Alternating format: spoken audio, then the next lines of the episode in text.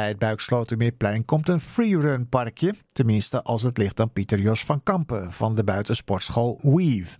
En hoewel het stadsdeel zegt dit ook graag te willen, is het na drie jaar nog niks. Toch meneer van Kampen? Ja, dat is wel een beetje teleurstellend. Ja, maar even voor de leken onder ons, uh, wat is freerunning eigenlijk precies? Um, het gaat eigenlijk om hangen, klimmen, over obstakels heen gaan en salto's. Sommige mensen uh, refereren wel naar het als de sport waarbij je van dak naar dak springt. Voor mensen is dat, maakt dat meestal wel heel veel duidelijk. Ja. Dat doe ik niet zozeer met mijn leerlingen, uh, want dat is net iets te hoog. Maar je probeert echt, uh, ja, niet alleen maar een soort van extreme sport, maar juist probeer jezelf mentaal uit te dagen om obstakels te overwinnen en om mooie vloeiende beweging te maken. En ja, eigenlijk daar een heel sierlijke sport mee uh, te maken. Ja, en wat voor obstakels heb je daarvoor uh, voor nodig om daar goed op mee te kunnen oefenen? Nou, dat zijn muurtjes, uh, platformen, daakjes of dat soort zaken. Dat is in de openbare ruimte. En wat je ziet is dat er in Amsterdam wel veel openbare ruimte is. Soms wel toegankelijk, soms niet toegankelijk. Maar dat er eigenlijk heel weinig parkjes zijn, net zoals een skatepark voor freerun, is dat er bijna niet. Uh, terwijl er heel veel skateparkjes zijn of heel veel uh, calisthenics parkjes. Dat is waar je aan buizen hangt. En voor freerun wilden we echt heel graag, al tijdens corona, dat er ook iets zou komen in Noord, omdat er helemaal niks is. Ja, nou was er toch al wel zo'n plek bij de Oase. Hè? Wat is daar dan mee gebeurd? Nou, die was weggehaald voor de herinrichting. Uh, want hmm. er gebeurt op Buikslotermeerplein natuurlijk ontzettend veel. Dus nu ligt daar het uh, grasveld. En uh, het zou eigenlijk apart geplaatst worden. En wij werden gevraagd of wij wilden meehelpen om ja, herplaatsing dan, van dat object te doen. Dan wel het iets beter maken, want het werd niet zoveel gebruikt. Dus u Toen werd gevraagd gezegd, nou ja, om dat beter in te richten? Uh, ja, we werden aangespoord door een aantal uh, mensen bij de gemeente binnen sport om hierover mee te praten. Wat was de aanleiding? in corona, en dat zagen we ook heel erg, vervielen natuurlijk voor ons alle mogelijkheden om binnen te trainen. Uh, en daar zijn we dus met volle moed uh, ingegaan. En uh, nu zijn we een paar jaar verder. Ja, maar als de gemeente u zelf vraagt om mee te denken, waarom gebeurde er dan niks? Nou, ik kon er zelf nooit echt mijn vinger opleggen. Uh, in ieder geval merkte ik dat ik echt als een soort van gebruiker werd beschouwd. En dat ik soms heel erg uh, afzijdig werd uh, gehouden van dingen.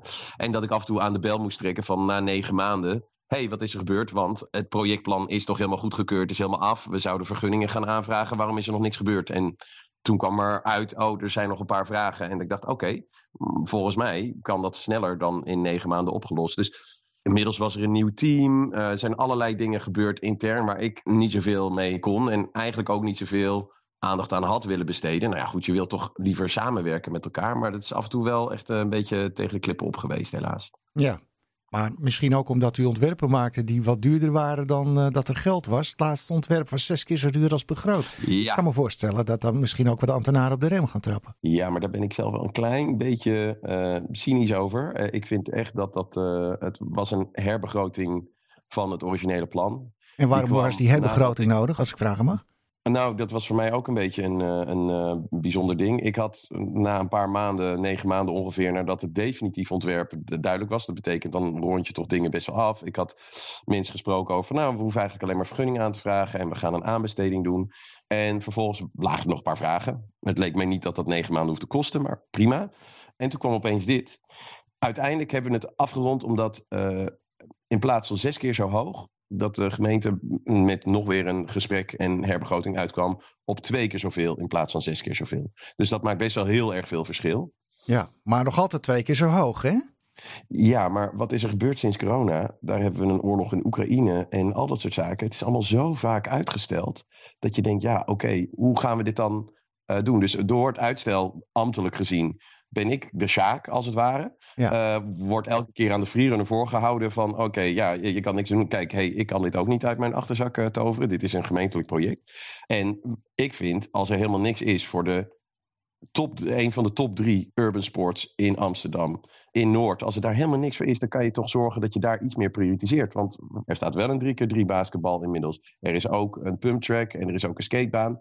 Uh, en het is echt iets wat ik denk dat een vitale functie kan zijn. En dan denk ik, nou ja, dan kan je toch als gemeente kan je dat prioritiseren. Of dan kan je zeggen, hé, hey, dit loopt iets anders. Laten we het op een andere manier uh, proberen bij elkaar te, te halen. Ja, nou heeft u onlangs uh, ook ingesproken in de stadsdeelcommissie. Heeft u het idee dat er daar naar u is geluisterd?